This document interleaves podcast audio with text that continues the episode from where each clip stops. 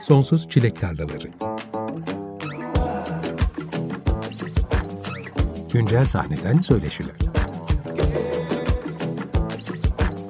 Hazırlayan ve sunan Tuğçe Yapıcı.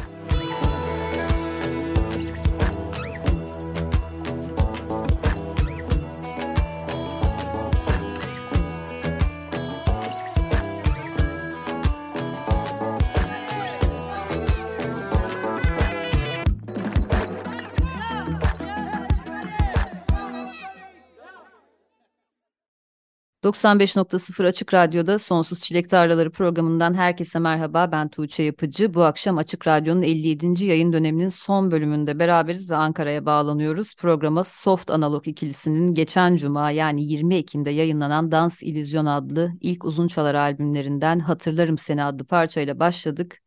Soft Analog ikilisi İdil Tavşanlı ve Ömer Çelik önümüzdeki bir saat boyunca bizimle birlikte olacaklar. Hem yepyeni albümlerini konuşacağız hem de süremiz el verdiğince bu albümden bir seçki dinleyeceğiz. Hoş geldiniz. Hoş bulduk. Merhaba. Nasılsınız? İyi, siz nasılsınız? Ben de iyiyim, teşekkür ederim. Belki albüm çıkışı vesilesiyle bugünlerde İstanbul'da olursunuz da sizi stüdyoda ağırlarız diye düşünmüştüm ama Ankara'dasınız. Sizi yaklaşık 3 senedir uzaktan uzağa takip ediyorum ama bu akşam nihayet bizim için bir tanışma olacak. Böyle uzaktan, ekrandan bir tanışma oluyor ama olsun. Bir başlangıç yapmış olalım çünkü çok bile bekledik, geç bile kaldık. Evet ya. Hatırladığım kadarıyla sizi ilk defa 2020'de dinlemiştim ama aslında 2019'da ilk kayıtlarınızı yayınlamaya başlamışsınız. Hı hı. Soft Analog'un kuruluşu da yine aynı yıla tekabül ediyor. 2020 itibariyle de konserler başladı sanırım ve sonrasında her yerde adınızı duymaya başladım. Evet. Pandeminin ilk senesiydi. Çoğu sahne kapalıydı özellikle sizin gibi kayıtlarını yeni yayınlamaya başlayan sanatçılar müziklerini sahneye taşımakta epey zorlanıyorlardı. Aslına bakarsanız bu durum pek de değişmedi. Pandemide başlayan projelerin çoğu hala sahneye taşınamadı. Çünkü bu üretim bolluğu içerisinde bir dinleyici kitlesi edinmenin de kolay olmadığı senelerden geçiyoruz. Doğru. Siz nasıl başardınız? Nasıl bu kadar hızlı bir giriş yaptınız sahneye? Ya aslında evet Hızlı ya. ol aslında evet hızlı oldu da biz Evet. yaparken o kadar hızlıymış gibi gelmiyor. Ya nasıl oldu? Aslında biz de tam olarak dediğiniz gibi 2019'da ilk iki şarkımız çıkarmıştık. Sonra ilk konser verecektik aslında. Evet, daha böyle yine coverlarla dolu bir şey olacaktı, konser olacaktı. Hani maksat sahneye çıkalım. Yani bu çoğu müzisyenin vardır kafasında bu mevzu. Hani bir sahneye çıkalım da en azından bir 3-5 bir şey kazanalım. Sonra bu kazandığımızı şarkılarımıza yatıralım ve daha böyle işte hem bestlerimizi yapalım hem bir noktada bilinirlik olsun falan deyip biraz daha maddi odaklı bir sahne alma planı vardı. O yüzden Hı. cover falan. Sonra bir iki konser yazılmıştı. Tam kaç Mart'tı? 20 Mart'ta Ankara Shelter'da çalacaktık. Şu an kulüp Müjgan ismi. Tam orada çalarken o hafta pandemi oldu. O hafta yani yani. biz. Biz provadayken bize mesaj geldi. Bütün mekanlar kapandı. Bütün dünya kapandı yani onun üstüne. Evet ya öyle bir durum oldu. O, o yüzden bizi pandemi noktası daha çok üretmeye itti. Tabii zor bir süreçti bizim için de çünkü Ya çok bir sürü hayal kurduk, onları başka çalışmalarla değiştirmemiz gerekti. Şimdi ne yapsak, ne etsek, nasıl devam etsek diye. Ama verimli de geçti bizim için aslında. Çünkü çok üretime döndük yani. Kendimizi geliştirmeye baktık yani ve bayağı da işe yaradı. bir de pandemiye 5 kişi girdik biz. O sıra Softamo'da 5 kişiydi ilk başta. Sonra sayımız 2'ye düştü. Biraz böyle şey gibi bir süreçti bizim için. Kendimizi planlayıp, kendimizi programlayıp biraz daha böyle hem çalışmayı hem üretmeyi hem tüketmeyi öğrendiğimiz bir dönemdi aslında pandemi. O sürede biraz daha en büyük avantajımız belki de yan yana 3-5 gün aynı evde kalıp makarna yiyip duvara yazdığımız bir tane böyle tarih şeyi vardı. Ne onun adı? Takvim aslında. Takvim aynı. Ajanda bir takvim. Duvarda yazıyor işte. 3 haftada bir şarkı bitireceğiz. Sonra bunları paylaşacağız. Yani bitmeme şansı yok. Bunları bitireceğiz. Ya ne olursa olsun falan diye. Bu bizi üretmeye ve biraz daha böyle bir şeyler öğrenmeye itti aslında. Evet, sound da oturdu böyle yavaş yavaş falan Evet. derken iyi oldu. Pandemi bize yaradı. Programın başında sizi tanıtırken Soft Analog'u bir ikili bir duo proje olarak tanımladım. Ama doğru mudur emin değilim. Şu an itibariyle doğru galiba ama başlangıçta bir grup olarak yola çıktınız. Evet. Evet. Evet. 5 kişiydik ilk başta. Sonra 2 kişi olarak devam ediyoruz şu anda. Peki 5 kişi üretimde de dahil miydi yoksa sahnede mi dahil oluyorlardı ekibe? Şöyle aslında ilk başta Doğukan vardı gitarda, Orhan vardı bas gitarda, Cem vardı davulda. O sıra üretimlerimizi, aranjlarımızı beraber yapıyorduk. Aslında Ama birlikte üretebileceğiz mi diye de bakıyorduk biraz. aynen biraz bizim için Deneme. deneme yanılma yeriydi yani. Hani böyle anlaşabildiğimiz yerler oluyor, anlaşamadığımız yerler oluyordu. Ee, ama üretmek biraz daha böyle hani söz yazma, biraz daha beste oluşturma. Hani oralarda değil de daha çok aranje odaklı falan kısımlarda daha beş kişi oluyorduk. Herkes kendi enstrümanını çalıyordu falan. Tabii zaman içerisinde hani bunların hepsini aslında prodüksiyon olarak biz yapmaya başladık İdil'le beraber. Şu anda tüm üretimleri, her şeyi İdil'le beraber yapıyoruz. Ama sahnede bizde şu anda Onat var, davulda. Onat Oskay var. Son dönemde aslında çok fazla solo proje ve duo proje görüyoruz. Üretim daha kolay oluyor gibi Hı. bahsediyor sanatçılar. Doğru. Yani aslında grupla birlikte üretmenin dinamikleri sanki içinde bulunduğumuz dönemin dinamikleriyle çok uyuşmuyormuş gibi. Özellikle İstanbul'da belki Ankara için de aynıdır bilmiyorum. Bir araya gelmek de çok zor. O kadar fazla insanın karar alma Hı. mekanizmalarında hep birlikte bir mutabakat sağlamaları da çok zor. Siz de o gruptan duo projeye geçişi yaşadığınızda üretiminizde bir hızlanma gözlemlediniz mi? Evet. Biraz aslında zorlandığımız nokta oydu yani ortak karar alabilme. Hı hı. Tam orada problemler yaşıyorduk. Bazen işte o takvime uyamamak, işte onun stresiyle falan filan ya da işte sonuca bakarak da hani bu niye böyle oldu, niye işte hayal ettiğimiz gibi olmuyor falan derken şimdi bakınca şu an çok daha rahat çalışıyoruz yani o döneme göre. Evet. Üretimler daha rahat oluyor, daha hızlı oluyor şu anda. Belki 90'larda 2000'lerde grup üyelerinin müzik zevkleri de çok daha fazla benzeşiyordu. Genellikle klasik rock ekolünden geliyordu. Herkes aynı şeyleri dinliyordu, aynı yerlerden besleniyordu ve benzer müzikler üretmeye çalışıyordu. Şimdilerde bir grubun içindeki üyelerin de çok farklı müzik zevkleri oluyor ve zaman içerisinde her sene belki çok hızlı değişiyor. Evet. Öyle olunca yapmak istediğiniz şeyler de çok fazla değişiyor. Belki onun etkisiyle de birlikte karar almak çok daha zor bir şeye dönüştü. Tabii biz bir de e, aslında burada hani kendi aramızda da grup ilk başta bu grup ortaya çıktığında biz bu grubun duruşundan, renginden, giydiği kıyafetten, kurduğu cümleden hepsini bir noktada aslında planlamıştık. Yani bizim hiçbiri bir noktada şans eseri ilerlemedi. Yani gruba da onu her zaman söylüyorduk. Soft Monolog beraber büyüttüğümüz bir bir şey. Yani ve bunu sen de ben de hepimiz Soft Monolog'un bir parçasıyız. Yani günlük hayatta farklı şeyler olabilir ama buraya geldiğimiz zaman Soft Monolog böyle düşünür, Soft Monolog böyle yer. Bunu nasıl geliştirebiliriz? Kendimizden verelim ama burada bir temelde bir yaratı, yaratılan ilk başta bir ortaya çıkan bir soft monolog var ve bunu beslemek bizim için daha önemli. Soft monolog için daha önemli. Dinleyicisiyle, tavrıyla, tarzıyla. Burada da biraz aslında belki diğer gruplara nazaran biraz daha hızlı oluyordu bizim için üretmek. Tabii hiçbir zaman iki kişinin kararı kadar kısa sürmüyor hiçbir şey. Evet. Bir de gerçekten hani bence bunun da dünyada da maddi bir durumu da olabilir diye düşünüyorum. Sayı arttıkça E var tabii. yani çok çok fazla artıyor. Şimdi maliyetler yani kaç kişi gidersen o kadar uçak, o kadar konaklama, o kadar prova saati falan filan. Hani ve grubundaki en aslında hassas halka kadar oluyor grup. Hani böyle bir örnek veriyorum o enstrümanı en en az çalan insan grubun enstrümanı ne kadar çaldığını gösteriyor filan gibi bir şey oluyor. Burada birazcık tabii risk almak bizim için daha az tercih ettiğimiz bir durum oldu. İki kişi olunca daha az risk ve daha net, daha hızlı karar ve daha hızlı sonuç gibi bir şey oldu yani. Evet, her şeyle çok düşünülmüş bir proje olduğunu zaten ben uzaktan da anlıyordum ama şimdi siz anlattıkça aklımda daha da oturuyor.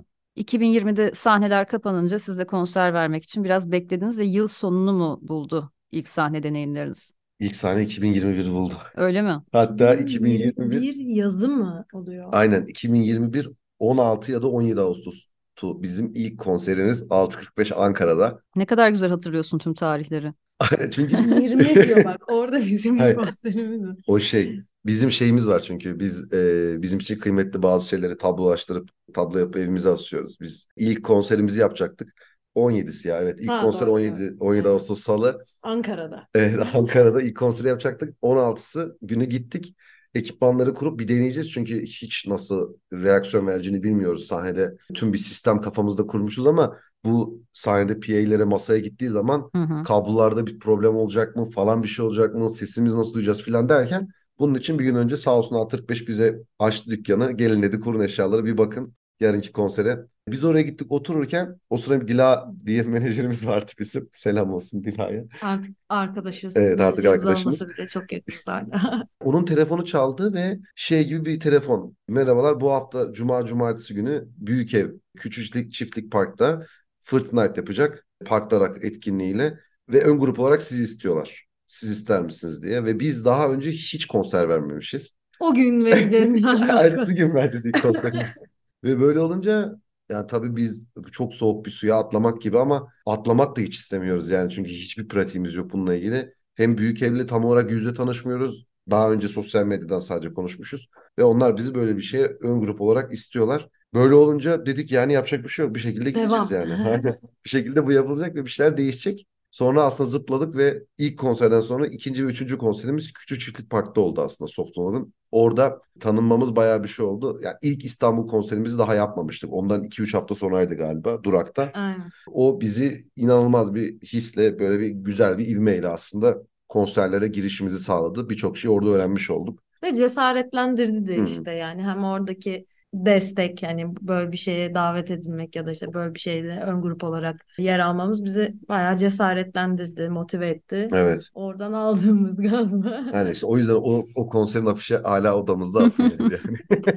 O bizim için kıymetli. Bu aslında yerli sahnede çok fazla sanatçının hayal ettiği, arzu ettiği bir şey. Büyük Ev Ablukada'yla sahne paylaşmak. Sizin durumunuzda bu tam olarak nasıl gerçekleşti? Yani onlar sizin müziğinizi mi dinleyip keşfetmişler yoksa önceden sosyal medya üzerinden bir diyalog kuruldu da o şekilde mi oldu? Anlat hikayeyi.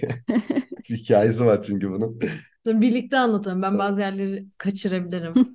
Ee, aslında onlar bizi dinlemişler. Belki herkes dinlememiştir ama Gül'ünle Cembir Cem- biliyormuş, evet. Aslan biliyormuş.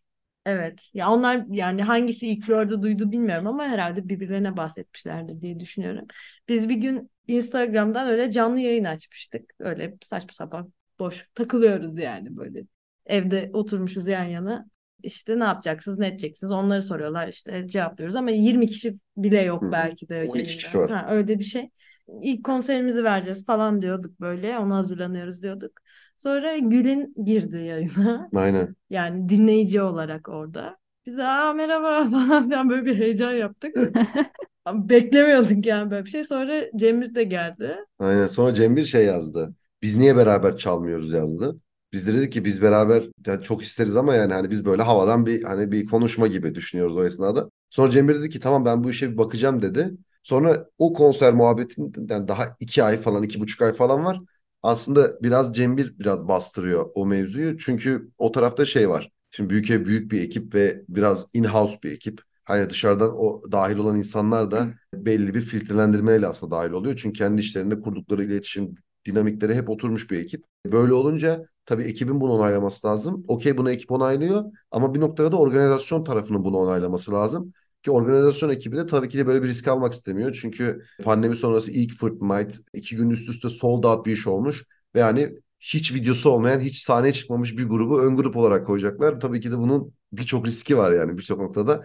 Hani bizim yerimize oraya koyulabilecek İstanbul'dan çok daha rahat gruplar var. Bir de Ankara'dan getirecekler bize ekstra bu da hani bir onlara uğraş olacak falan. Ama grup gerçekten 15-20 gün boyunca bunu bastırıyor. Prodüksiyon amiri tarafı falan büyük evde ve bir şekilde sonra Cem bir şey dedi. Beraber çalacağız demiştim işte bir şeyler ayarladık falan gibisinden çaldık. Ondan 3-4 gün sonra da Ankara Armada'da çaldık beraber. Orada çok iyi anlaştık. Şimdi de hep böyle birbirimizin konserlerine gidiyoruz. İşte muhabbet ediyoruz falan filan. Daha sonra çok fazla birkaç festivale denk geldik ama onun dışında sohbetimiz, muhabbetimiz olarak şey oldu. Biz de ayrıca olarak devam ettik yani konser şeyine.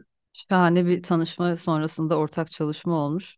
Az önce Ömer önemli bir şey söyledin aslında. Sizinki gibi türlerde sahneye taşırken hiç ummadığın zorluklarla karşılaşabiliyorsun. Evde prodüksiyon yapmakla sahnede aynı sesi almak birbirinden bambaşka şeyler. Büyük Ev Ablukada ile birlikte vereceğiniz konserler öncesinde 6.45'te verdiğiniz konserde her şey umduğunuz gibi oldu mu? Güzel gitmişti aslında. Ya evet tabii belli problemler, problemler oluyor. Biz şimdi kulağına klik duyan bir ekibiz. Şimdi kulağımızda klik oluyor ve bazen bir aksilik oluyor ve sahnede ilk şarkıya başladığında klik dışarıda da çalmaya başlayabiliyor. Hani böyle biz of püf falan yaparken ama birazcık şunu hissettik. Bu bu süre içerisinde bilmiyorum belki de yüze yakın konser vermişizdir bu iki yılda. Daha çok anladığımız biraz şöyle bir şey oldu. Sahnede neyin her şey kontrolün dışında gelişebilir. Dinleyici de Tabii bunun canım. farkında olarak oraya geliyor ki zaten oradaki hissedilen şey o ana özel olması. Hı hı. Burada bizim tüm aksiliklere rağmen yüzümüzdeki gülümsemenin, yüzümüzdeki o içimizde olan o işte heyecanın, mutluluğun yüzümüze yansımadığı noktada zaten bunu hem dinleyici hem de ekipteki herkes hissedebiliyor. Biz de hani en çok aslında kendimizi sonradan sonraya alıştırdığımız şey bu oldu. Hani ne olursa olsun yani bir problem oldu ve bu probleme odaklandığımız zaman sahnede bu birçok insanı etkileyebilir. Bu Evet, birçok seni de insanı kilitliyor onun üstünde düşünmek. Evet yani bu yüzündeki belki de mutsuzluk asla çalamadığın o solodan çok çok daha önemli. Evet. Çünkü soloyu çalamadığında bu bir anı hı. oluyor ama yüzü mutsuzsa adam şunu diyebiliyor yani gelen kişi direkt şunu diyebiliyor bir dinleyici. Ee, neyin var yani? Ya neyin var? Ben belki çok güzel bir günümdeyim bilmem belki bir, bir şey iletişim kurmaya geldim seninle. Neyin var? Bir şey varsa anlat bana. Ya bir şey yoksa da hani niye şu anda bir saati böyle geçiriyoruz gibi böyle bir kötü ayrılma durumu oluyor. Böyle kötü bir iletişim kurmuş oluyor gibi. Bence bir de ben şunu anladım zaman içinde bir normal sorunlar var. Yani her zaman başına gelebilecek bir şey oldu düzeldi devam. Böyle böyle yani seni kötü etkilemeyecek sadece o anda anlık bir şey olup devam edebileceğin sorunlar olabiliyor. Bir de hani konserin genelini eğer etkileyen bir sorun varsa o mesela benim için daha büyük bir şey. Hani işte bir şey yanlış çaldın, işte ses gitti geldi, dışarıda bir şey oldu düzeldi falan. Onları artık ben mesela hiç kafamı takmıyorum yani bir şekilde düzelir. Hani o akışta böyle şeyler oluyor her zaman oluyor yani. Evet Ama ya. bütün mesela işte o yüzünün düşmesi bütün konseri öyle geçirmeni sağlayan bir şey varsa o büyük bir problem benim gözümde. Ya da daha sosyal bir şey olabilir işte seyircilerin arasında belki bir şey olur ya da ne bileyim düşersin belki bir yerini kırarsın. Hani bu daha büyük bir sorun bence.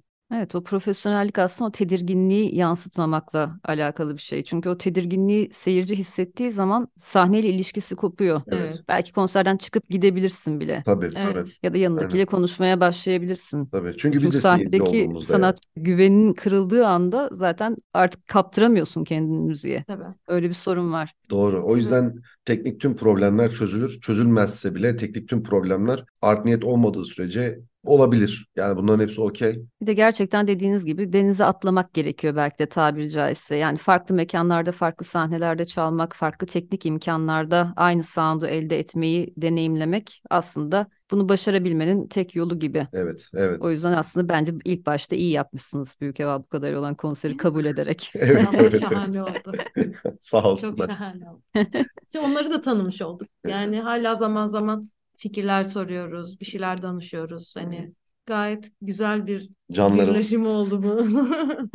Zaten bu deneyim paylaşımı çok önemli çünkü birileri bazı şeyleri zaten başarmış oluyor. Aynı yollardan geçmiş oluyor. Doğru. Bunları paylaştığımız zaman işler çok daha kolaylaşıyor. Evet. Programın ikinci bölümünde albümden konuşmaya başlayalım istiyorum. Çünkü 11 parçalık bir uzun çalar albüm var elimizde. Hem de taptaze yayınlandı ama öncesinde albümden bir şarkı daha dinleyelim mi? Ne dersiniz? Olur, Tabii. olur. Süremiz kısıtlı olduğu için tabii ki albümün tamamını dinleyemeyeceğiz. Albümden bir seçki hazırladık bu akşam için. Onu da sizin seçmenizi istedim. Şimdi kaç parçasıyla devam edeceğiz Soft Analog'tan. Sonrasında İdil ve Ömer'le söyleşimize kaldığımız yerden devam edeceğiz.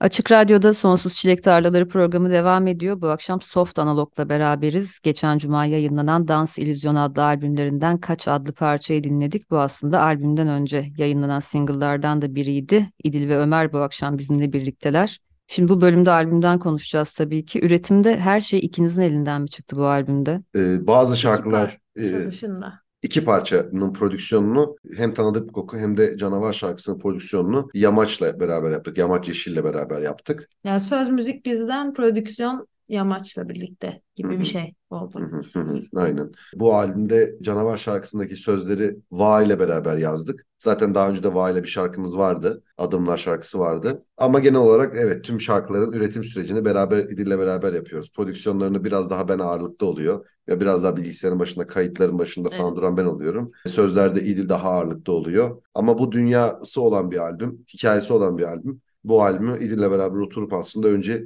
hikayeyi yazdığımız bir albüm oldu. Daha sonra müziklerini yaptık gibi oldu. Önce senaryosu oluşmuştu albümün. Orası bizim için önemliydi. Orayı da beraber yaptık yani.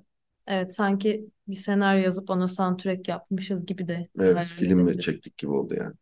Evet, albümde çok net ifade edilmiş bir tema var. Bu sık karşılaştığım bir durum değil. Genellikle yerli sahnede dinlediğim albümlerde bir temanın varlığını hissediyorum ama söyleşilerde sanatçılara sorduğumda aslında bir temanın varlığından söz edilemeyeceğini söylüyorlar ama sonra sordukça, konuştukça aslında albümü oluştururken akıllarında bir dünya olduğu ortaya çıkıyor. Hı hı. Belki kelimelere döküp ifade etme kısmında zorlanıyorlar diye düşünüyorum. Hı hı. Sizin şaşırtıcı derecede net ifade edilmiş bir tema çevresinde bu albümü oluşturduğunuzu gördüğüm için sizden dinleyelim istiyorum. Tüm şarkıların oturduğu bu çerçeveyi, albümün aksını oluşturan hikayeyi. Biz bir ana karakter hayal ettik. Bunun başına gelenleri anlatıyor aslında. Şarkı şarkı. Her şarkı bir bölüm gibi. Şarkı şarkı en baştan yani tanıdık bir kokudan dans illüzyona kadar bir serüven yaşıyor ana karakterimiz.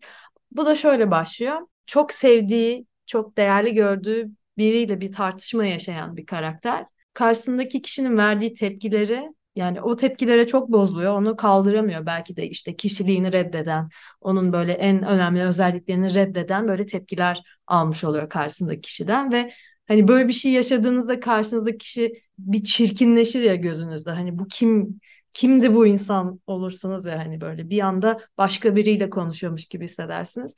Tam bu andan başlayan bir hikaye. Burada karakterimiz karşımdaki ne kadar çirkinleşti diye düşündüğü zaman gerçekten karşısındaki kişi bir yaratığa dönüşüyor gibi hayal ettik biz ve buradan başlayan bir bir yandan panik atakla başlayan bir serüven diyebilirim. Burada işte science fiction'a bağlıyoruz biz biraz ve canavarlar evrenine geçmiş oluyoruz. Karakterimiz devamında işte o olduğu ortamı terk ederek işte birlikte konuştuğu, tartıştığı insanla olduğu ortamı terk ederek kendini dışarı atıyor, şehrin sokaklarına atıyor ve aslında herkesin kendi dışında herkesin öyle bir canavara dönüştüğünü fark ediyor ve o evrenden çıkmaya çalışıyor. İşte o canavarlardan kaçmaya çalışıyor.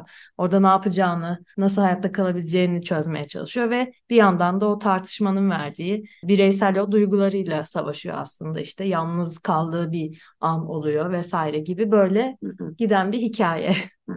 Evet aslında başlangıcı bizim yaptığımız daha sonrasının da birazcık böyle dinleyicinin orada kendi o döngünü kendisinin tamamlamasına bıraktığımız her şeyi saniye saniye açık açık anlatmaktan ziyade böyle bir hikaye ve hikaye böyle başladı. Şimdi biz bu hikayeyi böyle isimlendirerek böyle anlatarak aktardık. Bundan sonrasını biraz daha sözleri dinleyerek işte müzikleri dinleyerek. Evet o şarkının verdiği hisse göre o sırada dinleyen ne hissediyorsa atıyorum gergin mi hissediyor o şarkıyı dinlerken ha burada işte çok kızgın olduğu bir anı anlatıyor demek ki gibi hissedebilir atıyorum. Ya da işte daha üstünde düşünmek kurmak isterse oraya kadar gidebilir. Hı hı hı. Şimdi bazı durumlarda ilk önce şarkılar çıkıyor ve sanatçılar şarkılar çıktıkça şarkıların o dönemde yoğunlaştıkları kavramlar çerçevesinde şekillendiğini fark ediyorlar ve tema öyle oluşuyor. Ömer az önce laf arasında bahsetmişti ama sizde galiba ilk önce tema gelmiş ve tema aksında Hı hı. Şarkıları yazmaya başlamışsınız. Evet. Evet ya bu bu önceden bizim birazcık böyle çok fazla tabii bizim ilk albümümüz ama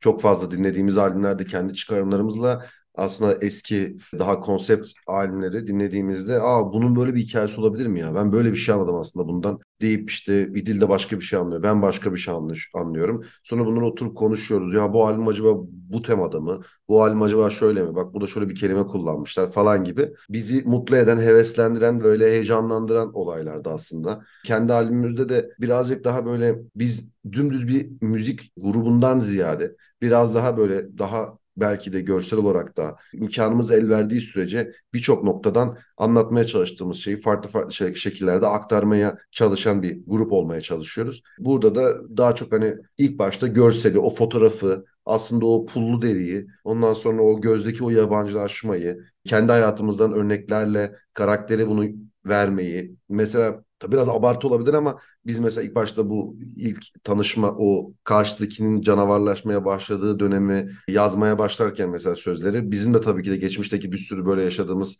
bize travmatik hissettiren şeyleri hayal etmeye çalışıyoruz. Bunları yaparken biraz bizde zorladığı, sıkıştırdığı his olarak anlar da oldu. Ama genel olarak hani orada karakterle bütünleşelim ve hani gel böyle bir 10-15 gün böyle düşünmeye çalışalım, böyle hissetmeye çalışalım, o günleri düşünmeye çalışalım gibi bir yansıması oldu bizim için. O yüzden temayı önce belirleyip sonra o temanın içine bizim de tam olarak girmeye çalıştığımız bir süreç oldu yani. Evet, albümde tekrar eden kavramlar da var. Yani şarkı sözleri arasındaki bağlantılar albümde göze çarpan özelliklerden biri. Ayrıca albümü baştan sona dinlerken bazen şarkılar arasındaki geçişleri de fark edemedim. Hı hı. Mesela albümün son iki parçası, programın da sonunda dinleyeceğimiz parçalar, Uyan ve Dans İllüzyon aslında sizin aklınızda tek bir parçaymış. O yüzden Hı hı. onları programın sonunda birlikte dinleyeceğiz, hı. art arda dinleyeceğiz. Beni saran bir boşluk ve kötünün daha beteri de aslında mesela beraber bir parça. Evet. O ikisi de tek parça. Şak diye kesiliyor. Onu, o- Onda da mesela Aynen. Anlayamadım geçişi. Evet evet ya onu Aynı şarkı devam ediyor sandım ve fark ettim ki sonra iki ayrı parçaymış. evet o Dark Side of the Moon'da vardı öyle bir şey.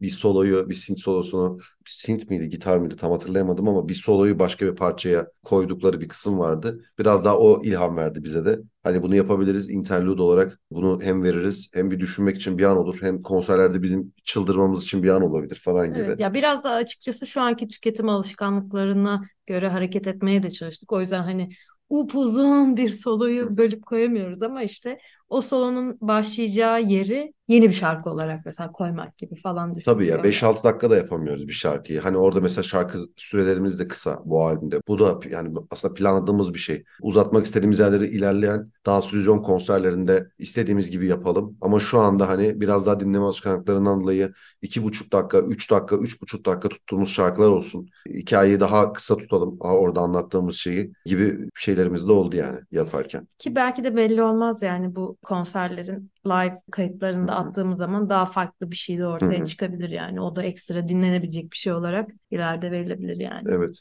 Hiç canlı izleyemedim henüz ama konserlerde şarkı aralarında ara veriyor musunuz? Yoksa tek bir set halinde çalmak gibi bir plan da olabilir belki. Şimdi bazı şarkılarda yapıyoruz onu. Mesela işte 1 Kasım'da ilk lansmanımız olacak Zorlu'da. Hı hı. Dans İllüzyon lansmanı. Orada mesela bazı üç parçalıyı mesela istila boşluğun içinde bir çırpıntı var. Hı hı. Mesela orada o üçünü beraber çalıyoruz. Bazı böyle birleştirdiğimiz arka arkaya gelen parçalar olacak. Daha da olacak ileride. Biz de çünkü hemen şey yapmak istemedik. Ya eski sahnelerimize göre daha bağlı gitsin, daha Hı hı. aksın istedik bu sefer. Hı hı. Ona göre altyapılar yani provaları her şeyi ona göre yaptık. Tabii tempoları ona göre değiştirdik, düz- düşürdük, yükselttik falan. Biraz daha şey oldu. İleride tam olarak tam bir set yapma hayalimiz de var bizim de konserlerde. Daha synthwave türlerde ben biraz onu bekliyorum seyirci olarak. Hı hı. Hı hı. Çok fazla kesinti biraz o konser deneyimini benim için bölüyor en azından. Herkes aynı mı hissediyor bilmiyorum ama Çok doğru, çok doğru evet. ne kadar bağlanıyorsa o kadar aslında kopmadan dinleyebiliyorum. Evet evet çok doğru. Aynen Ben de daha rahat ediyorum. Ya kendim sahnedeyken de böyle hani Öyle mi?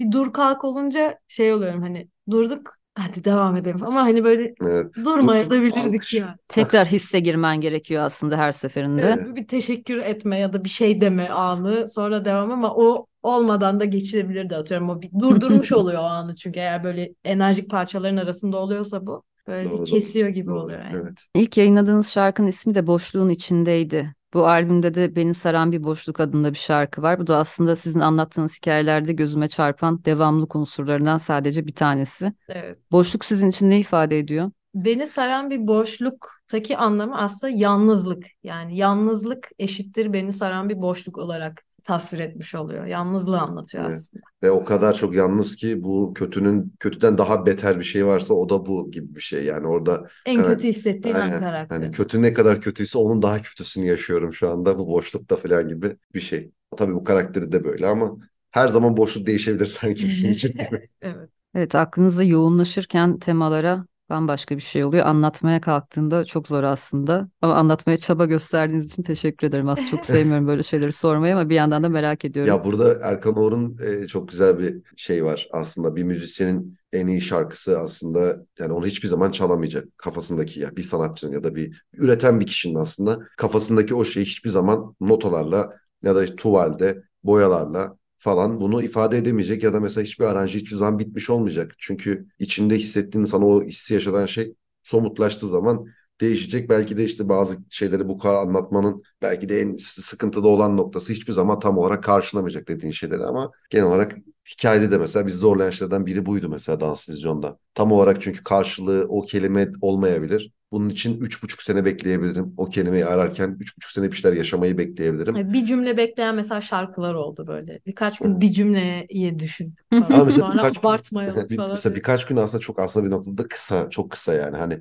20 sene de bekleyebilirsin o cümle için. Evet biz limiti yok. Hani tabii işte o yüzden hani o aranji hiçbir zaman bitmeyecek yani. Noktada. Onu bildiğin zaman da biraz daha rahatlıyorsun yani. Evet çok iyi anlıyorum anlatmak istediğiniz şeyi. Yolun başından bu albüme kadar epey üretken bir yolculuğunuz olduğunu söyleyebiliriz. Çok sayıda single ve EP'ler yayınladınız. O kadar single'dan sonra bir uzun çalar albüm yapmanın üretim süreci anlamında nasıl bir fark oldu sizin için? Bence çok daha iyi. Direkt böyle giresim geldi. Yani şöyle oluyor benim için. Bir şarkı yaparken hep bir şey hayal edip onu anlatmak istiyorum yani hem müziğiyle hem sözleriyle. Single single giderken hani hep tek tek farklı şeylere böyle odaklanmak ya da her seferinde yeni bir böyle küçük de olsa küçük bir hikaye, küçük bir ruh hali düşünmüş oluyoruz ama bu bir albüm olarak baktığımız zaman yani ilk defa bunu denedik.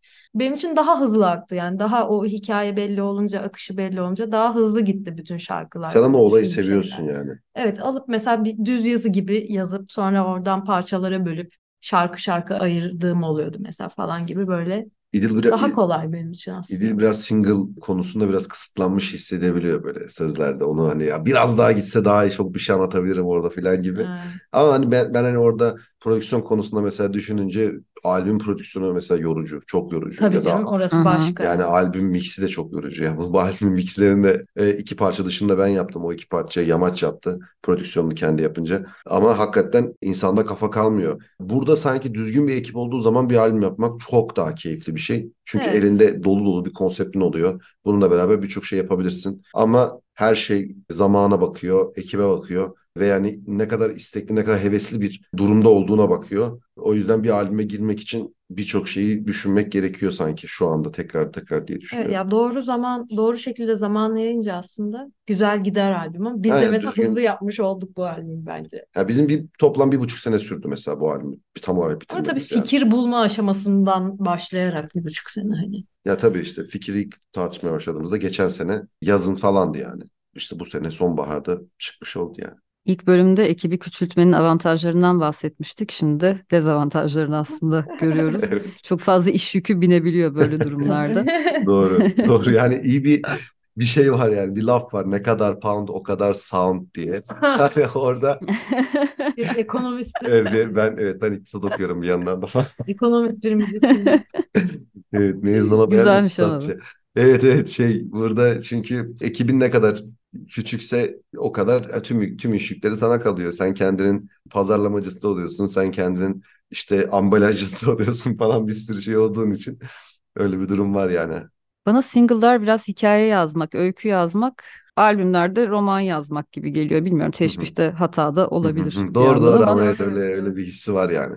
Sizin gibi böyle single'larla başlayan newcomer sanatçılarda bazen ilk albümden sonra konuşuyoruz ve şey diyorlar yani çok zor bir süreçti, çok zorluydu, tahmin ettiğimden daha yorucuydu. Bir süre daha düşünmem albüm. Hı. Yine single'larla ilerleyeceğim diyorlar. Bazıları sizin gibi aslında bütünlüklü düşünmek bana daha kolay geldi gibi bir şey söylüyorlar. Siz galiba ikinci durumdasınız. Ben öyle hissediyorum. Yani evet yani ben de işte şartlar düzgün olursa ve o psikolojide olursam yani çünkü bu bir noktada birçok şeyle verdiğin bir mücadele oluyor. Bir albüme odaklanmak, bir ruh halinin içine girmek. Çünkü anlatma şeklimiz hani şey gibi bir de yöntem var. Hani çok iyi 10 parçamı bir arada toplayacağım da mesela bir yöntem. Bizim yaklaşımımızda çok sevdiğimiz, çok bizden işte anlatmayı, işte çalmayı sevdiğimiz 10 şarkımızı hadi bir toplayalım. Buna da hani bunun albüm altında birleştirelim demektense biz hadi gel 10 parça yapalım ve bunun birincisiyle onuncusu da birbirinin içinde olsun, aynı dünyadan olsun deyince Ha, buna ait bir sahne şovu da olsun, Evet. kostümü de olsun falan diye gidiyor. aynen o biraz şey oluyor.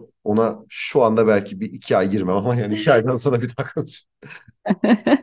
Sizinle konuşmak çok zevkliymiş. Şu anda eğer radyoda olsaydık eminim çıkışta bu muhabbet bitmezdi. Bayağı daha Evet. devam ederdi. Ama şimdi albümden iki parça daha dinleyelim. Sonra da İdil'in bahsettiği şu sahne şovlarından, kostümlerden falan biraz bahsedelim istiyorum. Çünkü 1 Kasım'da Dans İllüzyon'un lansman konseri Zorlu PSM'de gerçekleşecek ve bu konsere dair sizden duyabildiğim tüm sürprizleri duymak istiyorum. Açıklayabildiğiniz kadarını en azından. Tamam. Soft Analog'un Dans İllüzyonu albümünden Beni Saran Bir Boşluk ve Canavarı dinleyelim. Sonrasında tekrar buradayız.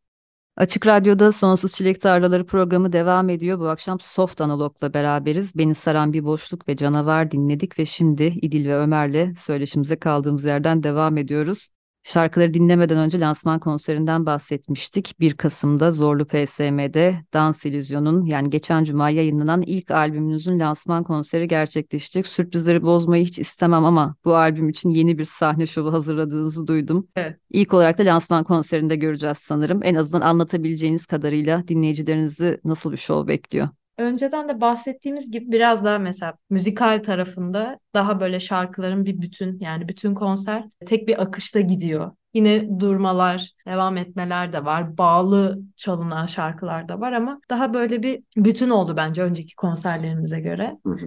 Bir yandan ışık şovları, sahne üzerindeki çeşitli görsel şeylerle de daha lezzetlendirmeye çalışıyoruz Hı hı. önceki zamanlara Şu an evet şu an ekiple beraber hatta son noktaları kaldı aslında. Birazcık böyle belli şeyleri netleştirmeye çalışıyoruz. Hala netleşmemiş şeyler var ama fikir belli sadece bunu yansıtma şekli olarak birçok yöntem var. Bize en uygununu bir noktada böyle hikayeyi en iyi aktarabilecek şeklini bulmaya çalışıyoruz. Evet yani Bazı bu bahsettiğimiz o bilim kurgu evrenini ufaktan da olsa bir böyle oraya gitmiş gibi bir his Hı ya da oradan bir parçayı izliyormuş gibi bir his olsun istiyoruz. Tabii kıyafetiyle, makyajıyla, birazcık böyle belki plastik makyajıyla falan. Evet ya o evrenin ruhunu alabildiği kadar.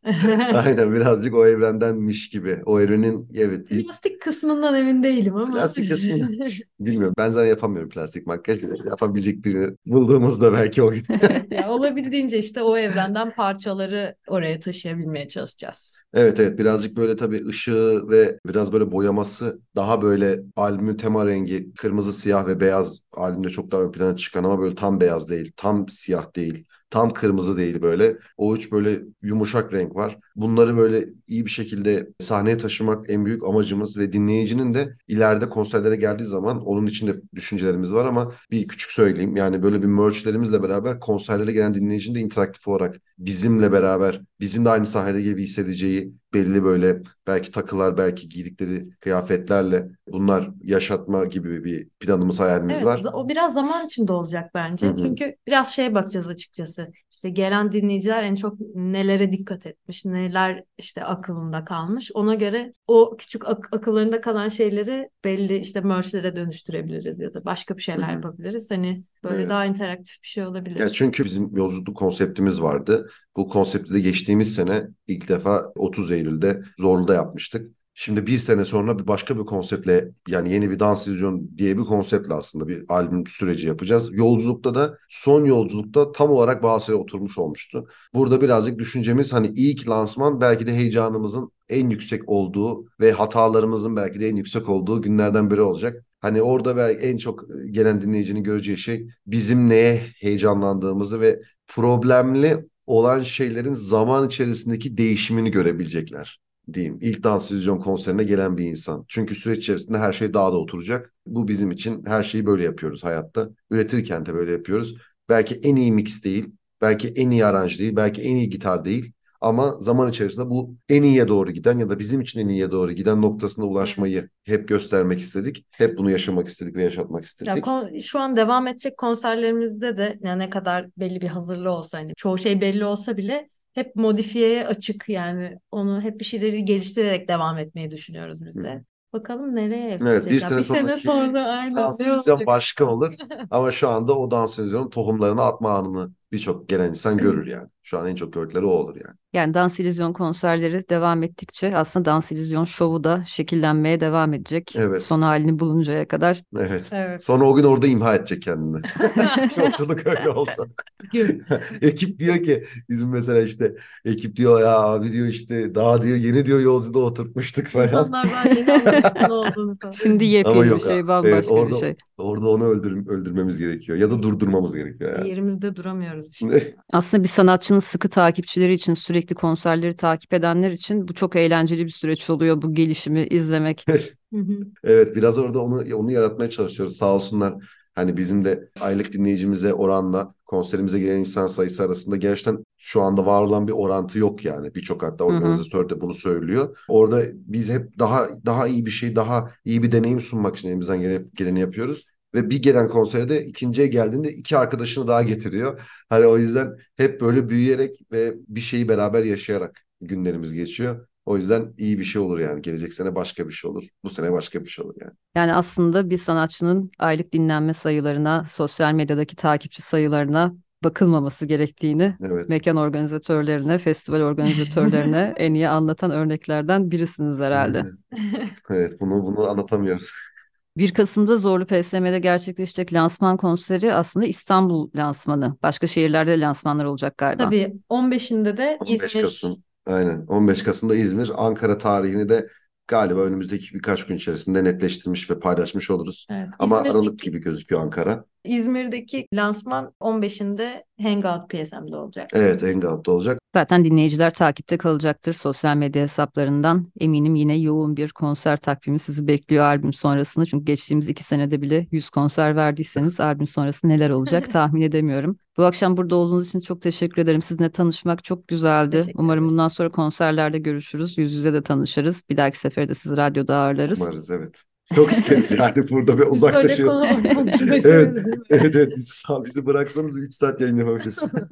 Bekliyoruz Ankara'ya. Çok teşekkürler tekrar. Bol şans diliyorum size albüm sonrasında. Ankara'da gelirsem sizi bulacağım mutlaka. Evet evet Tamamdır. yazın bize.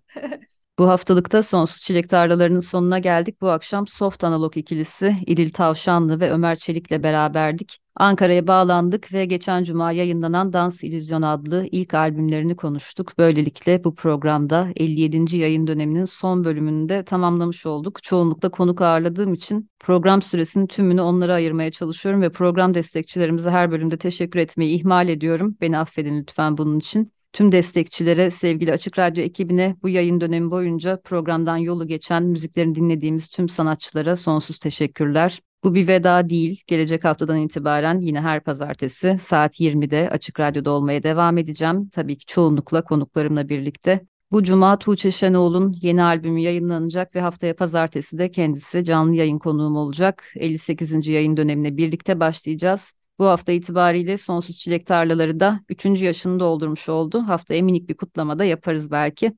Bu akşam son olarak sizlere yine Soft Analog'dan Uyan ve Dans İllüzyon adlı iki parçayla veda edeceğiz. Bu onların aklında üretim sürecinde aslında tek bir parça olduğu için şimdi ikisini art arda dinleyeceğiz. Gelecek hafta yeni yayın döneminde görüşünceye kadar hoşçakalın.